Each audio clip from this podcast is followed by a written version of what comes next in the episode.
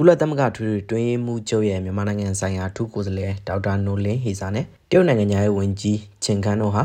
မေလ၁ရက်နေ့ကဘေကျင်းမြို့မှာတွေ့ဆုံခဲ့ကြပြီးမြန်မာအရေးဆွေးနွေးခဲ့ကြပါတယ်။ဒီတွေ့ဆုံပွဲမှာတရုတ်အနေနဲ့မြန်မာအရေးတည်ငြိမ်မှုအလုံးထပ်ပိုပြီးလိုလားတယ်လို့ပြောဆိုခဲ့သလိုမြန်မာနိုင်ငံတည်ငြိမ်အေးချမ်းမှုအတွက်ဆောင်ရွက်ရမှာလဲမြန်မာနိုင်ငံရဲ့အချုပ်အခြာအာဏာကိုလေးစားကြဖို့ကိုပြောဆိုခဲ့တယ်လို့ဆိုပါတယ်။ဒါပြင်တရုတ်နိုင်ငံရဲ့ဝန်ကြီးဟာမြန်မာနိုင်ငံကိုမေလ2ရက်နေ့မှာလာရောက်ဖို့ရှိနေပြီး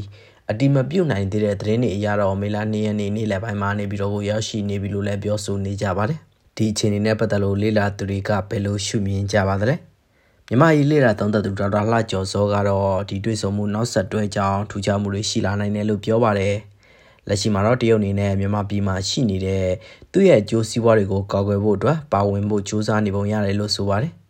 နဲ့အားဆက်လို့ခေါ်တာပေါ့နော်အဲအာဆီယံ10နိုင်ငံနဲ့အာရှနိုင်ငံ6နိုင်ငံပါတယ်အဲ့ဒီအဖွဲ့ကြီးကသူတို့ကတော်တော်လဲပတ်နေတာဖြစ်တာ supply chain ကြီးတစ်ခုလုံးအဲ့ဒီဟာလဲပတ်ဖို့အတွက်လဲပမာတီးကအဲတည်ငြိမ်မှအေးချမ်းမှဗမာပြည်မှာပါဝင်မှဖြစ်မှာအဲ့ဒါကြောင့်မလို့လေအဲဗမာပြည်အရေးမှာအဲတရုတ်ပြည်ကတက်တက်ကြွကြွဝင်ပါဖို့စဉ်းစားနေတယ်ထင်တယ်။နောက်တရုတ်ရဲ့ ဟိုဟိုဗာလေအကျိုးစီးပွားတွေရတယ်ဗမာပြည်မှာအများကြီးလေသူရဲ့ပူလမ်းမှာကိစ္စတွေပါတယ်။အဲ့ဒီအကျိုးစီးပွားတွေကဝယ်ဖို့အတွက်လည်းဗမာပြည်ကအရေးကြီးတာဖြစ်လေတော့သူဝင်ပါမှာပဲအဲအဲ့ဒီကိစ္စအတွက်ဗမာပြည်ရဲ့ငြိမ်းချမ်းရေးကိစ္စဗမာပြည်ရဲ့ပြည်တွင်းနိုင်ငံရေးတည်ငြိမ်ရေးတို့ပါတို့အတွက်ဝင်ပါဖို့ကြိုးစားကုန်ရပါတယ်စစ်ကောင်းဆောင်အနေနဲ့အာဏာသိမ်းခြင်းကစလို့ ရုရှားကိုပုံမအားကိုးတာတွေ့ရပေမဲ့ရုရှားကိုယ်တိုင်ကတရုတ်ကိုမှီပြုနေရတာကြောင့်တရုတ်ရဲ့ပြောဆိုဆောင်ရွက်မှုတွေနဲ့ပတ်သက်လို့လည်းနားထောင်ရမယ့်အခြေအနေလို့တရုတ်ရေးကျွမ်းကျင်သူဒေါက်တာလှကျော်စောကပြောပါတယ်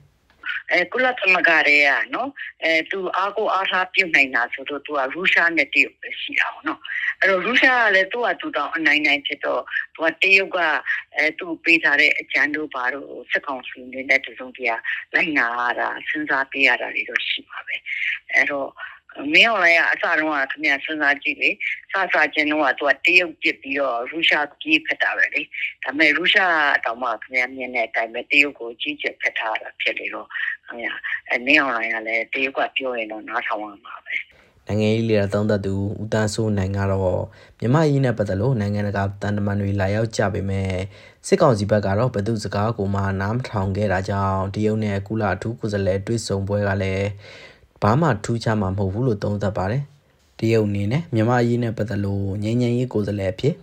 လှုပ်ရှားပါဝင်နေတယ်ဆိုတာကိုနိုင်ငံတကာစာမျက်နှာမှာပြကျင်လို့တွေးဆုံတာလို့လည်းဆိုပါတယ်။ဒီလိုမှတော်လီတရားဝင်ခံလှုပ်ရှားနေတာကငါပြည်နဲ့ပတ်သက်ပြီးကျင်းပြီးကငြိမ်းချမ်းရေးပြုစုတာဖြစ်တဲ့ဆိုရင်ကြိုက်ဖမ်းပြီးတော့အခုက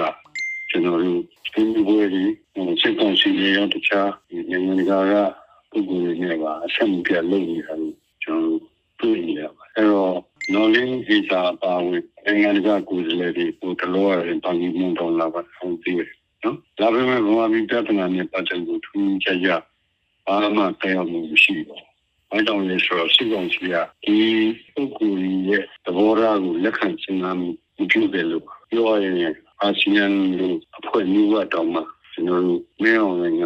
ကောင်းတဲ့ပေါ်မပြီးရတဲ့အတွက်ဒီနေ့ထိဒီနိုင်ငံတကာမှာဘာမှမြင်နေပတ်တဲ့ဆွေးပြောဆိုမှုကတကြံပြောက်လို့လေထဲမှာပြောက်သွားအခုလေအဲ့ဒီလေမပူပါမြန်မာပြည်ဆောင်ရွက်ရမှာနိုင်ငံတိုင်းကသူတို့အကျိုးစီးပွားပုံမှာသာရက်ဒီပြောဆိုကြမှာဖြစ်ပြီးမြန်မာနိုင်ငံခံစားနေရတဲ့ဒုက္ခတွေဟာဆီယနာရှင်ကြောင့်ပဲဖြစ်တာကြောင့်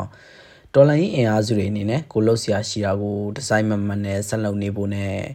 ဆီယနာရှင်ကိုနီးမလန်းပေါင်းစုံနဲ့တိုက်ဖို့ပဲလိုတယ်လို့ဒေါက်တာလာကျော်စောကတိုက်တွန်းပါတယ်ကျွန်တော်ထားအောင်ပါ